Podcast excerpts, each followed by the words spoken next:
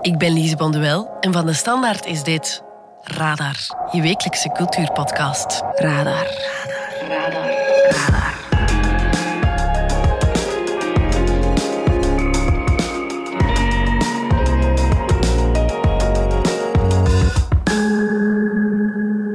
Paul en ik hadden de ambitie om een reeks te maken met de spanning van de mol en toch een soort psychologisch drama te maken over vijftigers en twintigers. En over hoe dat vriendschappen evolueren en dat met een saus van MeToo en grensoverschrijdend gedrag, waar dat de nuance uh, in moet primeren. Er is al veel inkt over gevloeid, maar één ding is duidelijk. Twee zomers, de nieuwe fictiereeks op één van Tom Leenaerts en Paul Baten, raakt een gevoelige snaar. De MeToo-beweging wil eigenlijk mannen en vrouwen aanmoedigen om naar buiten te komen met grensoverschrijdend gedrag. Ja, dan is de boodschap van deze reeks complete tegenovergestelde. Voor velen is de reeks een kaakslag in het gezicht van het hele MeToo-debat. Als Tom Leenaerts de intentie had om iets wezens bij te dragen aan het MeToo-debat, dan, dan is hij daarmee mislukt. Anderen vinden dan weer dat we niet al te moraliserend moeten gaan doen over fictie. En dat leidt ons tot een interessant debat. Kan je een onderwerp dat maatschappelijk zo gevoelig ligt wel uitspelen als spannende zondagavondfictie? 1,4 miljoen mensen kijken hiernaar. Staat in de grote etalage op zondagavond. En wanneer is dat product dan geslaagd? En dan staat of valt alles met geloofwaardigheid. Kan het? Een spannende whodunit met, zoals Tom Leenaert zegt, een saus van MeToo. Dat denk ik wel. We praten erover met mediaredactrice Katrien de Kok. Moet het met een grote gevoeligheid gebeuren en met de nodige omzichtigheid? Ja, absoluut. En de weekbladjournalist Filip Rogiers. Dat ben ik helemaal mee eens. Alleen moet ik jou nog één belangrijk iets vertellen voordat je verder luistert. Ik vind het altijd strontvervelend als mensen een film of reeks spoilen voor ik hem heb gezien. Dus ik wil je al waarschuwen, er kunnen hier en daar spoilers in zitten. Dan gaan vriendschappen kapot. Dus? Prille verliefdheid wordt in de kiem gesmoord. En... Ik waarschuw je maar. Er gaat zelfs iemand. Maar laat dat jou vooral niet tegenhouden. Welkom bij Radar. Radar. Radar. Radar. Radar.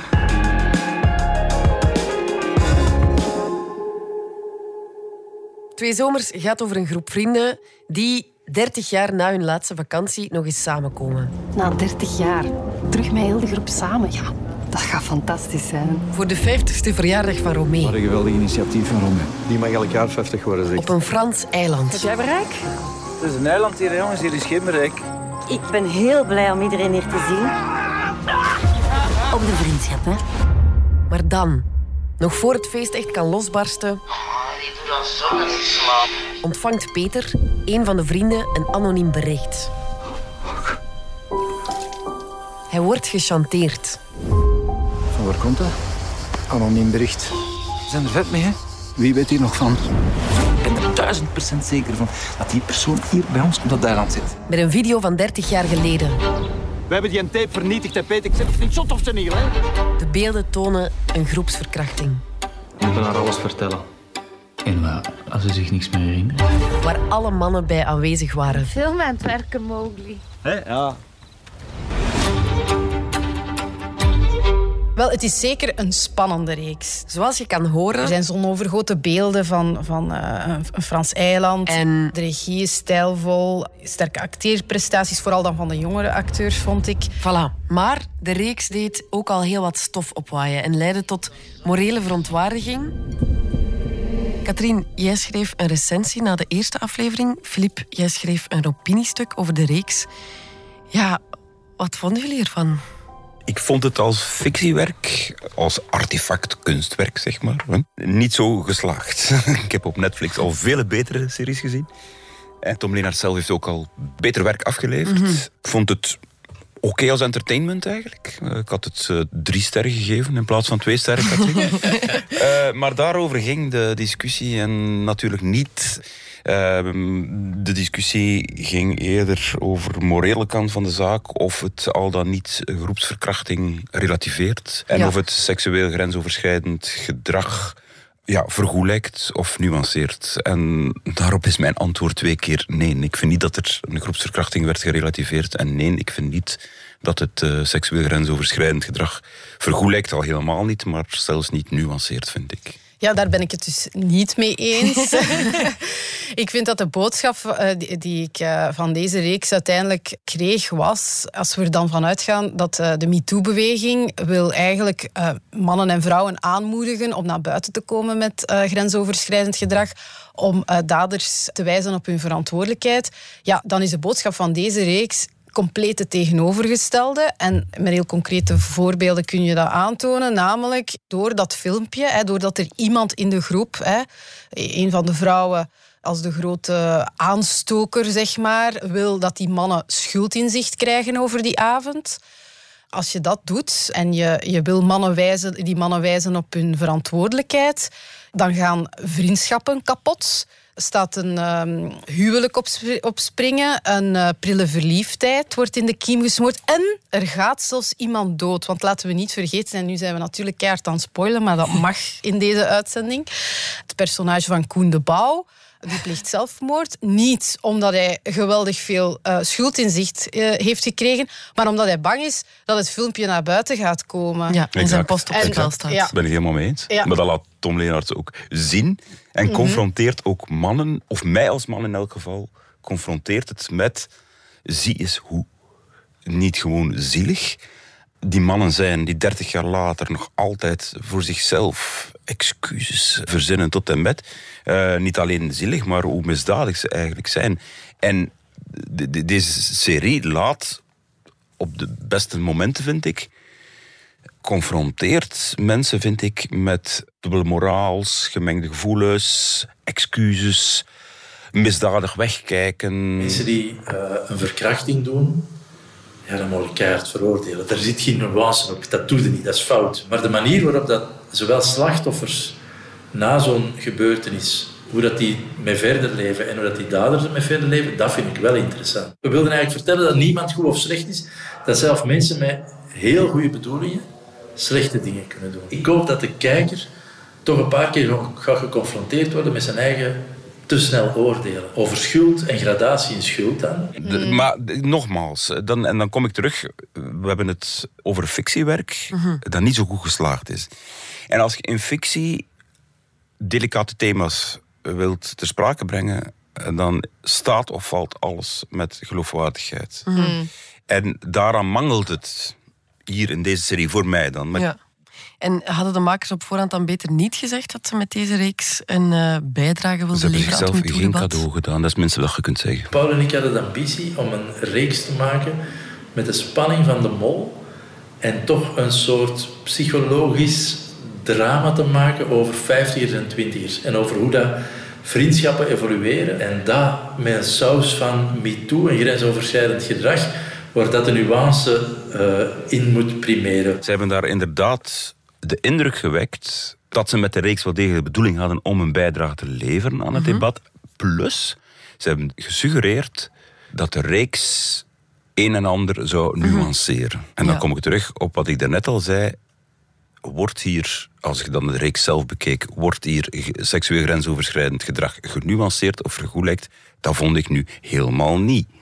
Zodra ze in de reeks die mannen de vrouw naar haar kamer dragen, weten ze allemaal dat ze niet in een grijze zone zitten, maar dat ze in een pikzwarte zone zitten. En ze mhm. weten het allemaal en 30 jaar later zijn ze nog aan het lullen. Dus dat vind ik wel ja, maar ze nemen hun verantwoordelijkheid niet. Ah, nee, nee, dat is het net. Juist daarom, dat is confronterend. Dat, dat, dat zou, allee, idealiter nogmaals, is dat juist een mooie spiegel, omdat er inderdaad... Katrien, er zijn zoveel mannen die hun verantwoordelijkheid niet nemen als het over seksueel grensoverschrijdend gedrag gaat. Juist daarom is dit ook een gemiste kans, omdat je inderdaad met een, met een publiek zit 1,4 miljoen mensen kijken hiernaar. Zondag, staat in de grote etalage op zondagavond.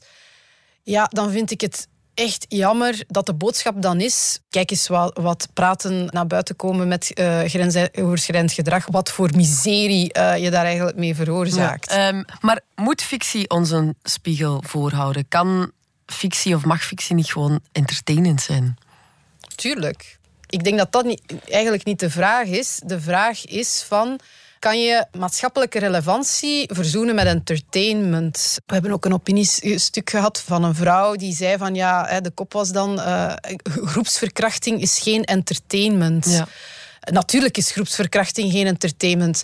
Maar mag je een spannende fictiereeks maken over een groepsverkrachting? Dat denk ik wel.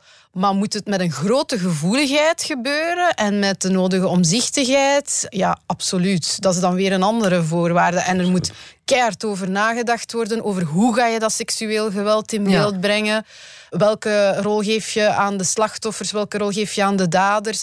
Wat wil je uiteindelijk vertellen? Wat wil je toevoegen? Als maker. Als maker. Dus ja, het kan zeker. Entertainment en pijnlijke maatschappelijke onderwerpen. Ik zou zeggen graag, want als je het op een uh, spannende manier vertelt, dan bereik je een groter publiek mee en kan je een onderwerp dat maatschappelijk relevant is, tot bij dat publiek ook brengen en een soort uh, sensibilisering uh, teweeg brengen in het allerbeste geval. Ja, ik ben het ermee eens dat de um, Wellebeck bijvoorbeeld, ja.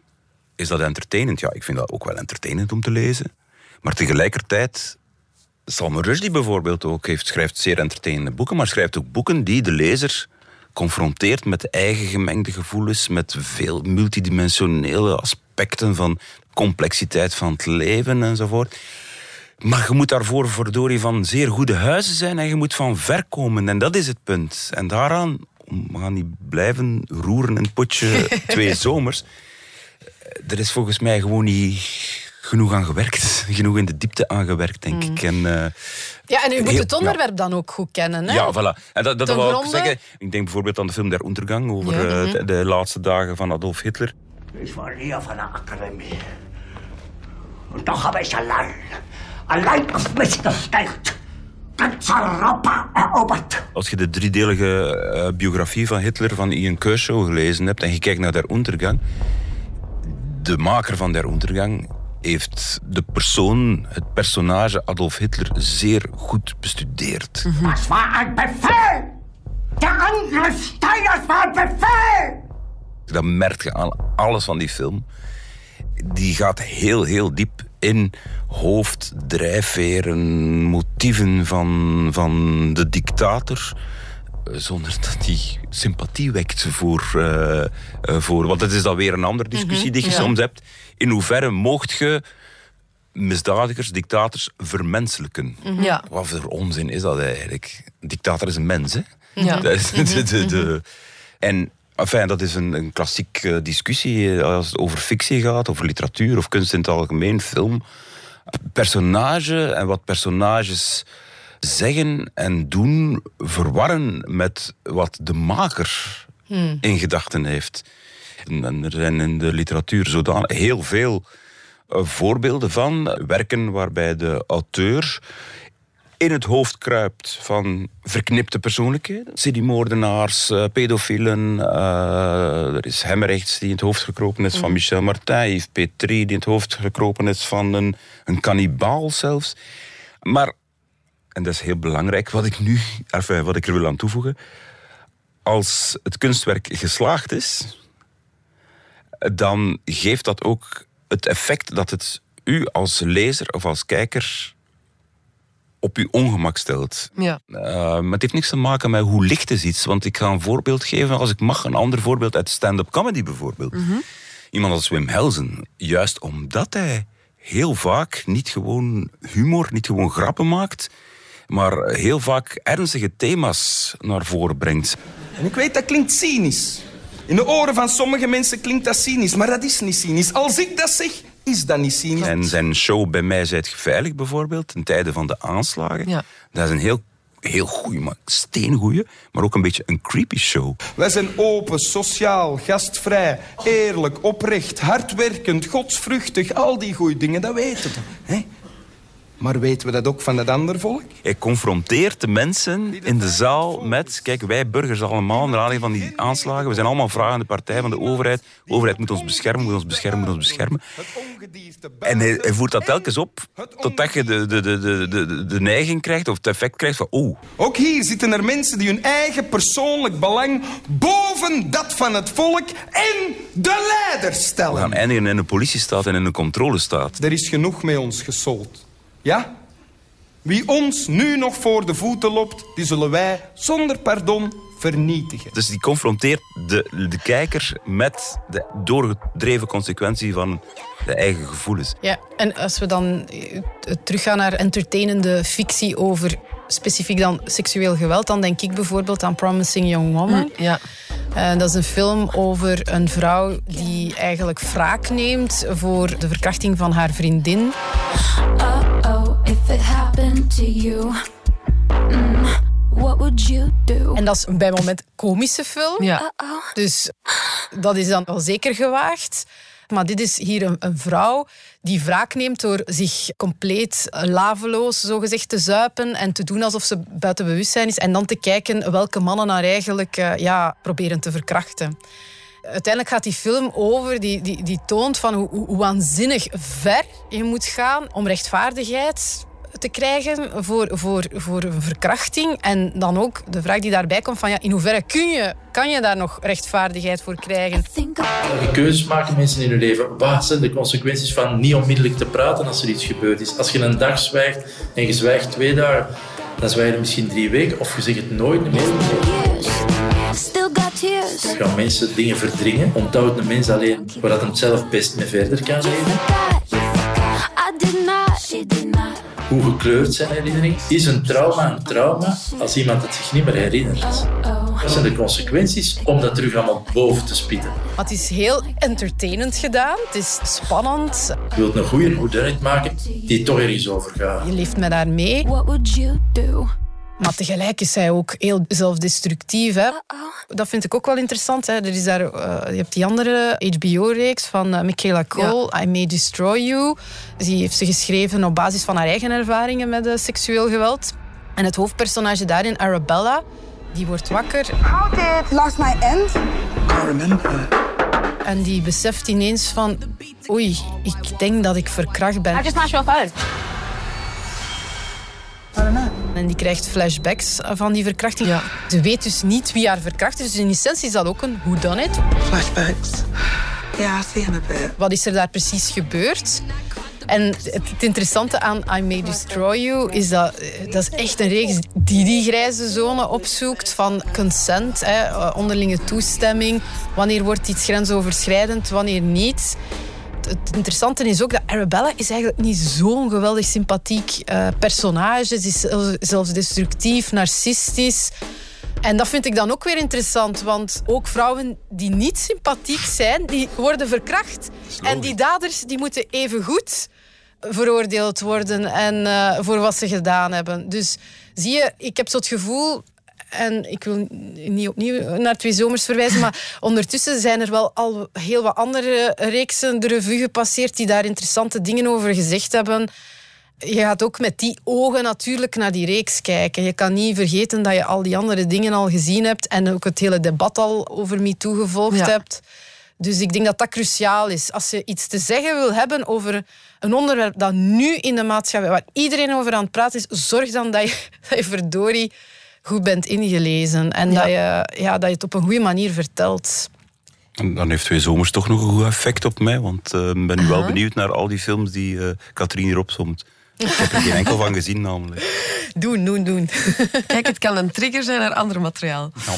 En wat zijn zo de gevoeligheden of dingen waar je rekening mee moet houden als je zo'n gevoelig thema aansnijdt? Want het kan dus wel degelijk samengaan, hè? entertainment en seksueel grensoverschrijdend gedrag. Ja.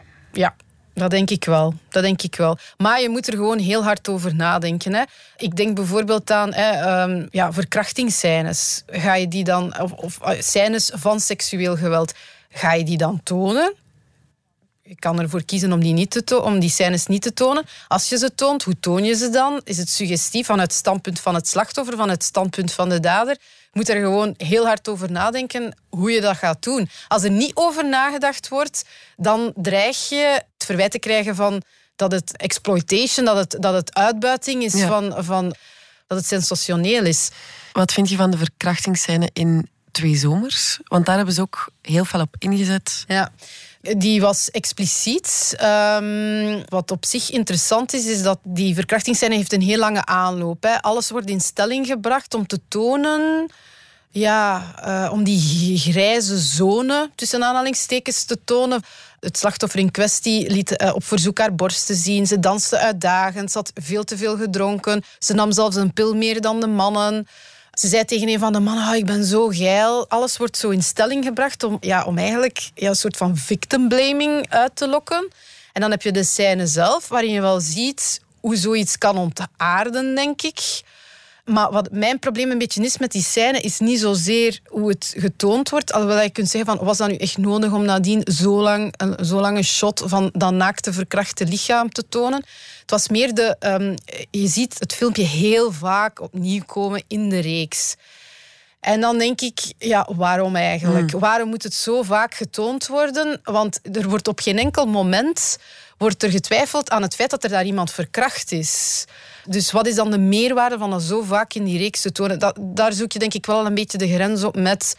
Ja, uh, ja ik, ik snap wel dat dat dan kwetsend kan zijn voor Ja. mensen die zoiets hebben meegemaakt. Dat vond ik dan net weer wel toch een van de sterkere kanten aan de reeks. Dat is juist de opbouw geleidelijk aan naar de verkrachtingsscène, naar de groepsverkrachting. Omdat er daar enorm gespeeld wordt, inderdaad, met alle shit die mannen eh, uit de kast halen. En we hebben er deze week een eh, voorbeeldje uitgehaald over die prezis aan de Mm. NIF van Gent.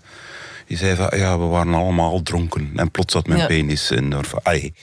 Dat vond ik heel mooi gedaan eigenlijk. In de, dus inderdaad, eh, dat je, je denkt van ja, dit, is- dit is een sexy scène vooraf. En die vrouw zegt zelf, ik heb zin in seks. Dat appelleert aan eh, wat dat foute mannen allemaal gaan zeggen. Of, Ja. of ze zouden denken van, ja, ze, ze had er toch zelf wel zin in. Ze heeft het Ja. toch zelf wel een beetje gezocht. En als we het dan hebben over dingen waar je op moet letten als je je aan zo'n gevoelig onderwerp waagt, is bijvoorbeeld ook een vereiste dat er vrouwen meeschrijven aan een reeks over MeToo. Ik zag de zin bijvoorbeeld vaak terugkomen. eh, twee zomers had misschien niet moeten geschreven worden door twee mannen. Hmm. Nu, ik vind, ik vind sowieso... Ik weet dat jij hebt geschreven van... ehm, ja, eh, dat er absoluut een vrouw mee in, in het schrijversteam moest. Ik vind niet dat dat alleen maar vrouwen, of dat er minstens één vrouw aan de schrijftafel moet zitten om een reeks te kunnen maken over, over seksueel geweld. Ik denk bijvoorbeeld aan, eh, hier in Vlaanderen, aan Studio Tarara, geschreven door twee mannen. Eh, door Maar- Tim van Aalst en David Fennings. Ja, dat bracht een heel mooi beeld van hoe grensoverschrijdend gedrag achter de schermen bij een mediabedrijf ontstaat. Dus het is volgens mij helemaal niet zo dat je een vrouw moet zijn om te kunnen schrijven over de verkrachting van een, van een vrouw. Dat denk ik niet. Maar ik denk wel dat je, dat je er een, een grote gevoeligheid voor moet hebben en dat je echt wel goed je research moet doen. En, en dat je moet rekening houden met het feit dat je misschien dan met een zogenaamde mannelijke blik naar beelden kijkt en dat je dat misschien op een andere manier eens moet bekijken. Eh, Los daarvan vind ik het altijd goed als er meer vrouwen in schrijversteams zitten, Ja. gewoon omdat er te weinig vrouwen eh, zijn die, die scenario's schrijven in Vlaanderen. Ja. Ja, ik volg Katrien hier wel in. Dus voorschrijdend in zich bij mezelf. Op, op ene minuut, hè. amper ene minuut. Hè. Eh, want ik, ik, ik ben zelf ook behalve journalist ook schrijver. En ik heb ook vrouwelijke personages Mhm, ja. al gebracht. En dat is inderdaad... eh, Want dat komt op een andere discussie. Mag een witte persoon zich een zwart personage toe-eigenen? Ja. Dus daar Mhm, moet je inderdaad... Ik vind dat een mannelijke schrijver inderdaad ook wel, als die een vrouwelijk personage neerzet in een boek, ja, moet hij ook natuurlijk eh, eh, zorgen dat, dat dat klopt. Dat, Ja. dat, dat komt er terug op de, ook de kwestie van inleving eigenlijk. En als, je, Mhm, als, je, als je dat is fictie goed is, als je fictie goed is, als je kunstwerk goed is, dan ça marche. Dan lijkt het heel vanzelfsprekend eigenlijk, terwijl het echt wel moeilijk is om, om zo goede kunst te maken. En daar, en dan is het laatste dat ik ga zeggen over twee zomers, eh, inleving, daar schort het echt wel aan Ja. met deze reeks. Ik kan mij niet inleven in, eh, laat staan dat ik ze sympathiek zou vinden in de mannen. Maar ik kon mij ook niet inleven. Ik had geen touche, zeggen ze dan. Hè. Geen touche met, met de vrouwen. En Nee. met touche bedoel ik niet sympathiek of niet sympathiek, maar gewoon, je, je, niet. Je Ja. voelt het niet. Ja. Over één ding kunnen we het eens zijn. Hè. Twee zomers doet veel stof opwaaien. De boodschap die de reeks brengt is voor heel veel mensen verschillend, ook voor jullie.